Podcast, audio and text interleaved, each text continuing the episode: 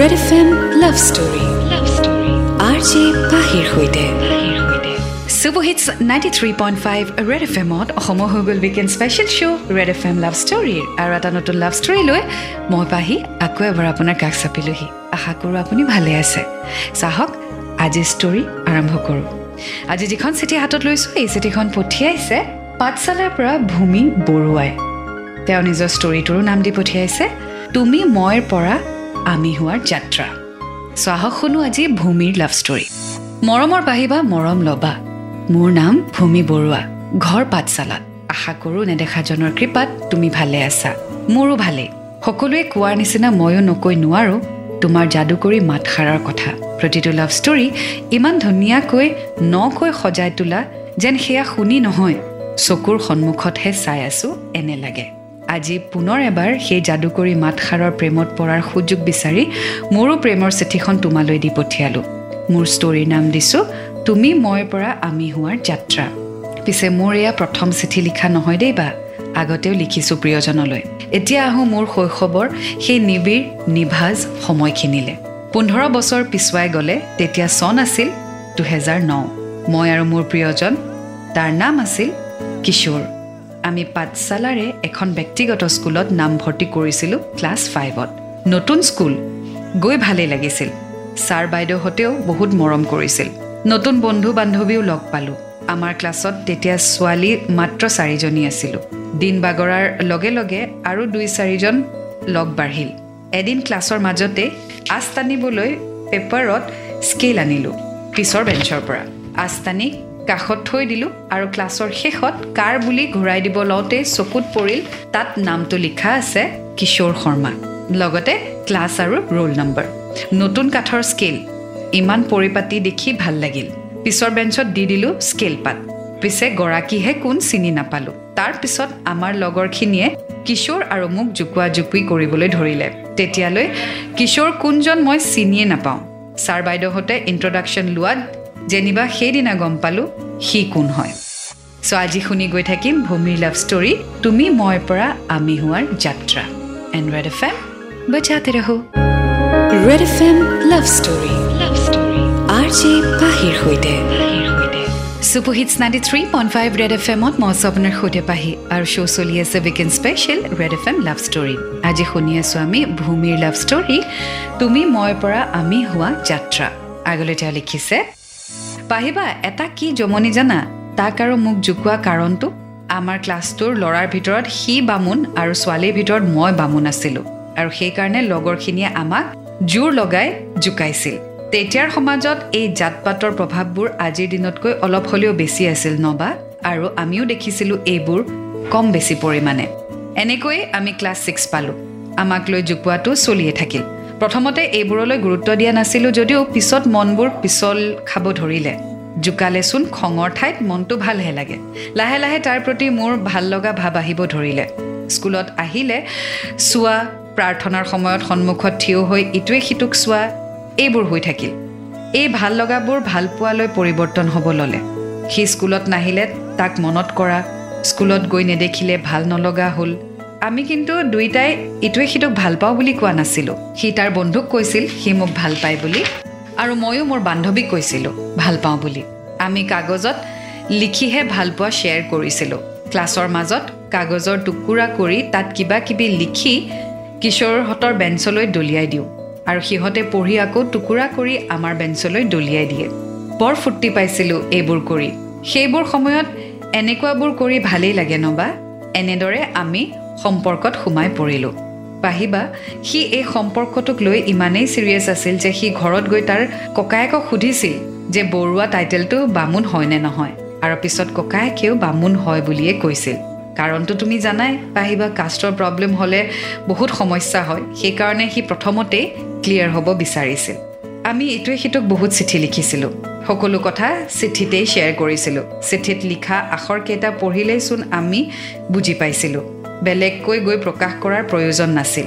আৰু আমি বহুত সৰু হৈ আছিলোঁ যদিও সম্পৰ্কটো লৈ কিন্তু বহুত ছিৰিয়াছ আছিলোঁ। আমাৰ মনৰ ভাৱবোৰ এইটোৱে আছিলে যে আমি ভাল পাইছোঁ যেতিয়া বিয়াও হ'ব লাগিব। চ' আগলৈ কি হয় জানিবলৈ শুনি থাকক আজি ষ্টৰিটি এণ্ড ৰেড এফ এম বাজাতে ৰহো। Red F M love story love story R J পাহিৰ সৈতে। Ninety three point five Red F M মদমজ আপোনাৰ পাহি শ্ব' চলি আছে weekend special Red F M love story শুনি আছোঁ আজি ভূমি বৰুৱাৰ ষ্টৰী তুমি মই পৰা আমি হোৱা যাত্ৰা আগলৈ তেওঁ লিখিছে এনেদৰে আমি ভাল পোৱাৰ লগতে পঢ়া শুনাও সমানে চলাই লৈ গ'লোঁ আমি এটা এটাকৈ শ্ৰেণীবোৰ পাৰ কৰি গৈ থাকিলোঁ সেই সময়ে সুকীয়া আছিল পাহিবা মই স্কুল গাড়ীত গৈছিলোঁ যিহেতু কেতিয়াবা সোনকালে আৰু কেতিয়াবা বহুত দেৰিকৈ গৈ পাওঁ দেৰি হ'বৰ দিনা সি মোৰ কাৰণে ৰৈ থকা আছিল আৰু বেছিয়ে দেৰি হৈ গ'লে বৰ দুখ লাগে। আমি আৰু সেইদিনা ৰাতিপুৱাৰ সময়খিনিত দেখা দেখি নহওঁ। সন্মুখত থিয় হৈ প্ৰাৰ্থনাটো চাবলৈ নাপাওঁ। কিন্তু এটা ক্লাছ পাৰ হ'লেই বাহিৰত যাওঁ যাতে সি গম পায় যে মই স্কুলত আহিছোঁ আৰু তাৰ কেতিয়াবা দেৰি হ'লে মই ৰৈ থাকিছিলোঁ। ক্লাছ শেষৰ পিছত আমাৰ ৰুমত আহে লগৰ কোনোবা কিবা কোৱাৰ চলেৰে যাতে মই জানো যে সি স্কুলত সেইদিনা আহিছে। আমি ক্লাছ ফাইভৰ পৰা ক্লাছ টেন পালোঁগৈ। একেখন বিদ্যালয়তে আছিলোঁ যিহেতু মাজে মাজে আমাৰ ছেকশ্যনবোৰ বেলেগ বেলেগো হৈছিল আৰু কেতিয়াবা একেটা ছেকশ্যনতো পৰিছিলোঁ। স্কুলৰ সেইকণ সময় বাদ দি আজিও আমি আগুৱাব নোৱাৰোঁ। মই স্কুল গৈ পালে বেগ থৈ দুৱাৰৰ কাষত ৰৈ থাকোঁ সি অহালে। সি আহে ওখকৈ ক্ষীণ বৰ মৰম লগা এহাল চকু লগতে ঘন চেলাউৰিখিনি।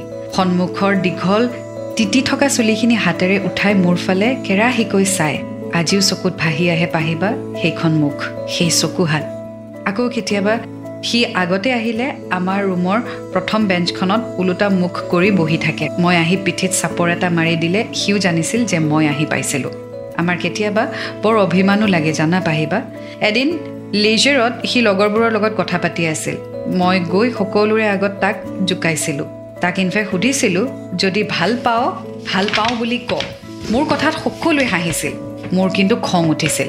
এতিয়া সি মোক এইবোৰ কথা কৈ জোকায়। মোৰো হাঁহি উঠে। চ' স্কুল লাইফৰ পৰাই এওঁলোকৰ প্ৰেম আৰম্ভ হৈছে। এতিয়াও কণ্টিনিউ হৈ আছেনে নাই সেয়া আমি গম পাম যেতিয়া আগুৱাই গৈ থাকিম আজিৰ ষ্টৰীৰ সৈতে। চ' শুনি থাকক আজিৰ লাভ ষ্টৰী তুমি মই পৰা আমি হোৱা যাত্ৰা। বজাতে ৰহো। Red F M love story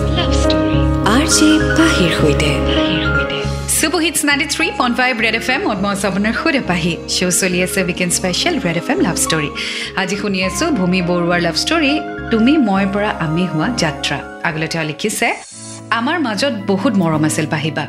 আমি স্কুলতো খুব কমকৈ কথা পাতিছিলোঁ। অকল চায়ে থাকোঁ। চকু চালেই সকলোবোৰ কথা বুজি পাইছিলোঁ। ৰাতিপুৱাৰ সেইখিনি সময় আৰু লেইজাৰৰ অলপ সময়তেই যেন সকলো বুজি উঠিছিলোঁ। ঘৰত আহি আৰু একো খবৰেই নাপাওঁ। আনকি পিছদিনা স্কুলত আহিব নে নাহে তাকো নাজানো। আমাৰ মাজত কেতিয়াও কাজিয়া খং এইবোৰ নাছিল। স্কুলৰ সৰস্বতী পূজাত পুষ্পাঞ্জলি দিওঁতে ল'ৰাবোৰক ফুট দিব দিছিল। মোক সি ফুট দিছিল। লগৰবোৰেও জানি বুজিয়ে মোক নিদিয়াকৈ এৰি দিয়া নাছিল। ভাত খাওঁতেও সি বিলাই দিছিল। আৰু নালাগে বুলি ক'লেও জোৰকৈ হ'লেও সি মোৰ পাতত অকণমান বেছিকৈয়ে দি থৈ গৈছিল। সেইখিনি হেনো তাৰ ভাগৰ। কিমান যে ভাল লগা আছিল সেই দিনবোৰ আজি মই লিখি বুজাব নোৱাৰিম তোমাক। যদি মনৰ স্মৃতিবোৰ দেখুৱাব পৰা কিবা থাকিলেহেঁতেন আজি মন খুলি সকলোকে দেখুৱাই দিলোঁ হয়। বা এয়াই চাগে নিস্বাৰ্থ আৰু নিভাজ সময় আমাৰ জীৱনৰ। বৰকৈ মনত পৰেও বা লাহে লাহে আমাৰ সম্পৰ্কটোৰ কথা স্কুলৰ ছাৰ বাইদেউহঁতেও গম পালে। এদিন আমি ব্ৰেক টাইমত কথা পাতি থাকোঁতে কোনোবা ল'ৰা এটাই ছাৰক খিৰিকীৰে আমাক দেখুৱাই দিলে। সেইদিনা শেষৰ ক্লাছৰ পাছত আমাক অফিচ ৰুমত মাতি নিছিল। আমি ঠিকছে মাৰ খালোঁ।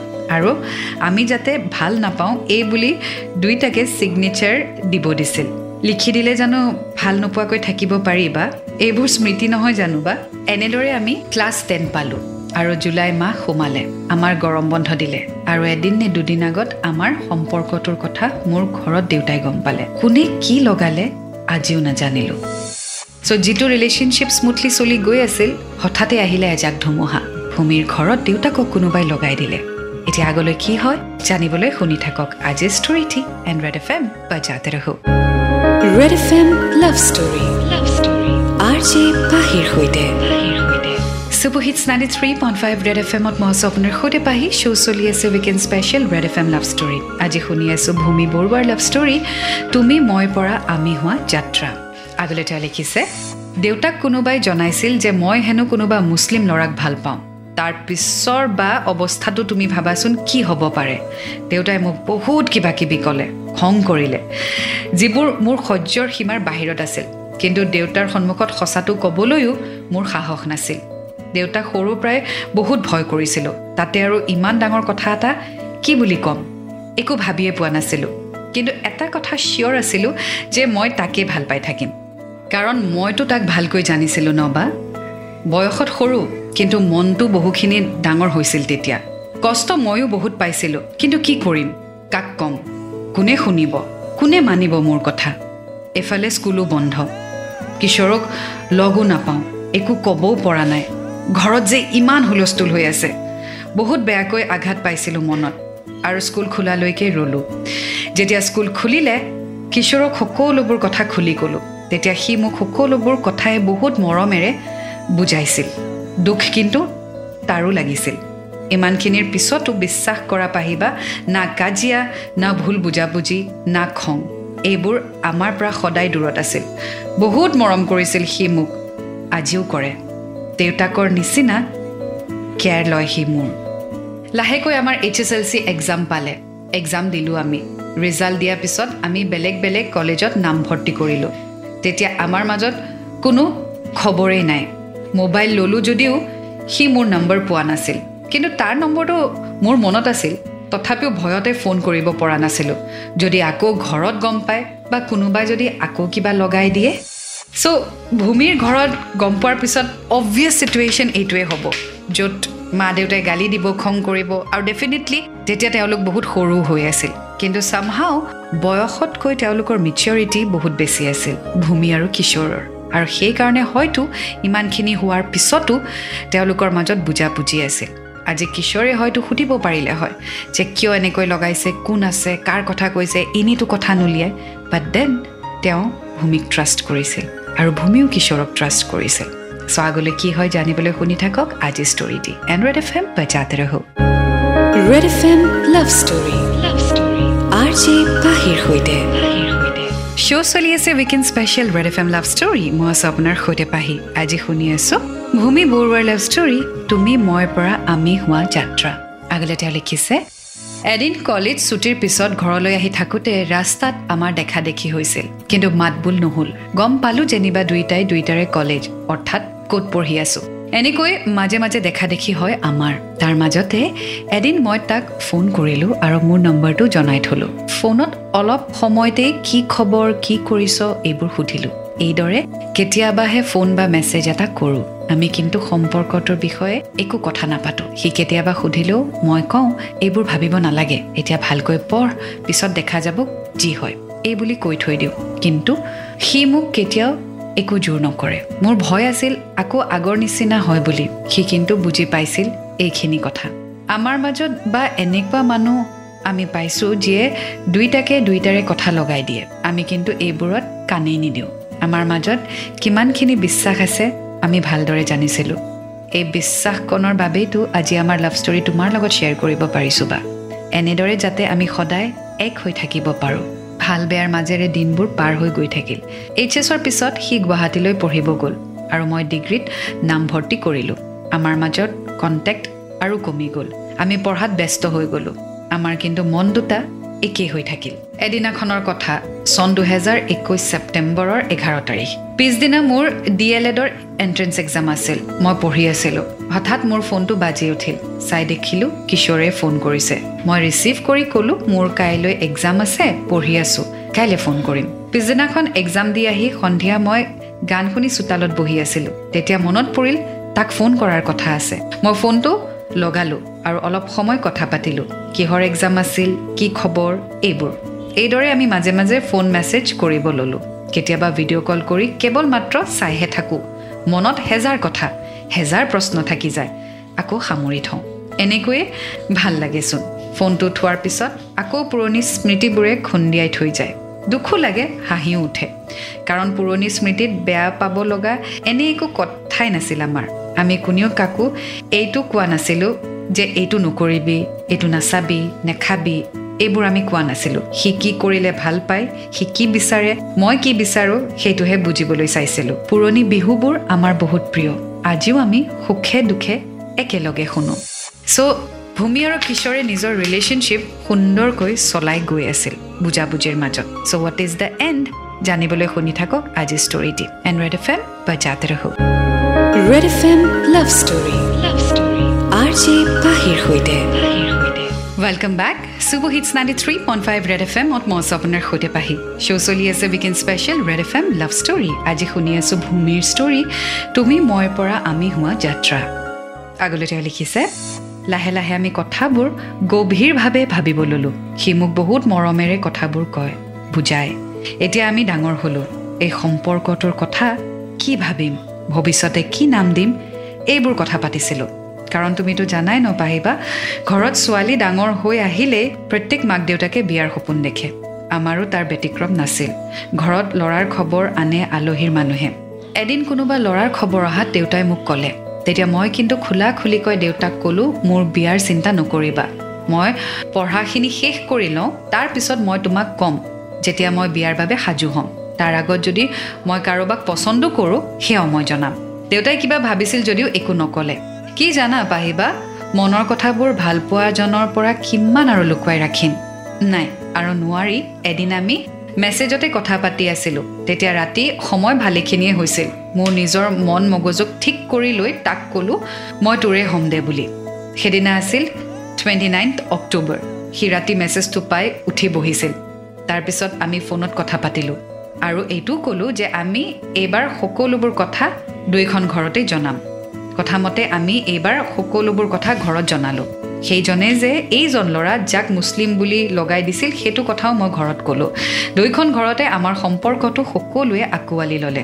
প্ৰথমবাৰৰ বাবে তাক দেউতাই লগ পাব বিচৰাত ঘৰলৈও মাতিছিল। সিও আহিলে। মা দেউতাৰ লগত কথা পাতিলে। প্ৰথমবাৰতে সি মোৰ মা দেউতাক মা দেউতা বুলি সম্বোধন কৰিলে। মায়ে তাৰ বাবে গাখীৰ পিঠা বনাইছিল। উভতি যাওঁতে সি মা দেউতাক সেৱা কৰি গৈছিল। কিমান যে ভাল লগা দিনকেইটা। সি ৰাতি মোক ফোন কৰি কৈছিল জান তুমি মই আমি হ'বলৈ যোৱাৰ এয়া প্ৰথম খোজ। সি মোক মৰমতে জান গোসানী মুনু বুলি মাতিছিল আৰু মই তাক জীউ দেহা বুলি মাতিছিলোঁ। এতিয়া সি আমাৰ ঘৰলৈ আহে কেতিয়াবা। বহুত মৰম কৰে তাক মা দেউতাই। ময়ো তাৰ মা দেউতাক দাদা বৌ সকলোকে লগ পাইছিলোঁ। মোক বহুত মৰম কৰে খবৰ লয় কথা শ্বেয়াৰ কৰে। বহুত মৰমীয়াল বহুত মৰমীয়াল পৰিয়াল এটিৰ সদস্য মই এতিয়া। So' all's well that ends well ভূমিৰ ঘৰতো তেওঁলোকৰ সম্পৰ্কৰ কথা মানি ল'লে আৰু কিশোৰৰ ঘৰতো মানি ল'লে। চ' আৰু কিছু কথা লিখিছে সেয়া মই পঢ়ি গৈ থাকিম। You stay tune and Red F M বজাতে ৰহো। Red F M love story love story R J পাহিৰ সৈতে। Super hits ninety three point five Red F এমত মই আছোঁ আপোনাৰ সৈতে পাহি আৰু শ্ব' চলি আছে weekend special Red F M love story আজি শুনি আছোঁ ভূমিৰ লাভ ষ্টৰী তুমি মই পৰা আমি হোৱা যাত্ৰা। আগলৈ এতিয়া লিখিছে পাহিবা এতিয়া আমি তইৰ পৰা তুমিলৈ আহিলোঁ। ঘৰৰ মানুহৰ আগত তই ক'লে ভাল নালাগে নহয়। এতিয়া আমি বহুত সুখী পাহিবা। ভগৱানৰ ওচৰত প্ৰাৰ্থনা এটাই আমাক যাতে মৃত্যুলৈ এক কৰি ৰাখে। এতিয়া আমি বিয়াৰ সেই পবিত্ৰ বান্ধোনত বান্ধ খাব গৈ আছোঁ। বিয়ালৈ অৱশ্যে অলপ সময় আছে। মোৰ পঢ়াখিনি শেষ হোৱাই নাই নহয়। বা আশীৰ্বাদ কৰিবা দেই আমি এক যাতে হওঁ। অঁ বা এইখিনিতে আমাৰ সৰু সপোন এটিৰ কথা তোমাক নক'লে চিঠিখনে আধৰুৱা হ'ব। আমাৰ সমাজত কইনাক জোৰোণৰ দিনা ল'ৰাৰ ঘৰৰ পৰিয়ালৰ মানুহে সেন্দুৰ দিয়ে ন? কিন্তু মই তাৰ হাতেৰে মোৰ কপাল ৰঙা কৰিব বিচাৰোঁ। সিও নিজ হাতে দিব বিচাৰে। সেয়ে আমি ভাবি থৈছোঁ জোৰোণৰ আগদিনা ভগৱানক সাক্ষী কৰি এক নতুন জীৱনলৈ এক হৈ ৰম। এনেকুৱা সপোন আমাৰ বহুত আছে। লিখিলে ওলাই গৈ থাকিব। ইমান জানো সম্ভৱ? ইতিমধ্যে বহুখিনিয়ে দীঘল হ'ল। আজিলৈ সামৰিছোঁ বা। শেষত ক'ব বিচাৰোঁ যিও তোমাক বহুত বেছি ভাল পাওঁ মই। খং কৰিলেও তোমাক বাদ দি মই আগুৱাব নোৱাৰোঁ আৰু নিবিচাৰোঁ। দুখ সুখ হাঁহি কান্দোন সকলো সময়তে মই তোমাৰ চাহ হৈ ৰ'ম। নমো কৰিবা যাতে সদায় ভগৱানে আমাক এনেদৰে এক কৰি ৰাখে। মোৰ কলিজাটোৰ এতিয়া এফাল তুমি হোৱা জীৱ লগতে এই ৰেড এফ এমৰ জৰিয়তে আমাৰ সকলো লগ বন্ধুলে অশেষ ধন্যবাদ। তহঁত নাথাকিলে আমি চাগে এক হ'ব নোৱাৰিলোহেঁতেন। আৰু এনেদৰে পাহিবালৈ চিঠি পঠিয়াব নাপালোহেঁতেন। আমাৰ বন্ধুত্বৰ এনাজৰীডাল সদায় এনেদৰে ৰৈ থাকক। পাহিবা পুনৰবাৰ বহুত বহুত মৰম তোমালৈ আৰু ৰেড এফ এমৰ সকলো দাদা বাইদেউলৈ। যুগমীয়া হৈ জিলিকি ৰওক তোমাৰ অনুষ্ঠান। তাৰে কামনাৰে ইটি তোমাৰ ভণ্টি ভূমি Barua. Well, Bhumi, thank you so much for sharing your story. I wish you all the best. But I hope you will understand যে for previously মই তোমাৰ পাৰ্টনাৰৰ নেম চেঞ্জ কৰি দিছোঁ বাট তোমালোক দুয়ো বুজিলে বুজি পায় গতিকে I hope it will be okay for you and I wish you all the best and বিয়াৰ নিমন্ত্ৰণীৰ বাবে আশা কৰি so' congratulations and all the best stay in love always well এয়া আছিলে আজি লাভ ষ্টৰী তুমি মই পৰা আমি হোৱা যাত্ৰা এটি নতুন ষ্টৰীৰ সৈতে আকৌ লগ পাম until then To fall in love, it's a great feeling. You will get to learn a lot. And always remember, I love you. Red FM, बजाते रहो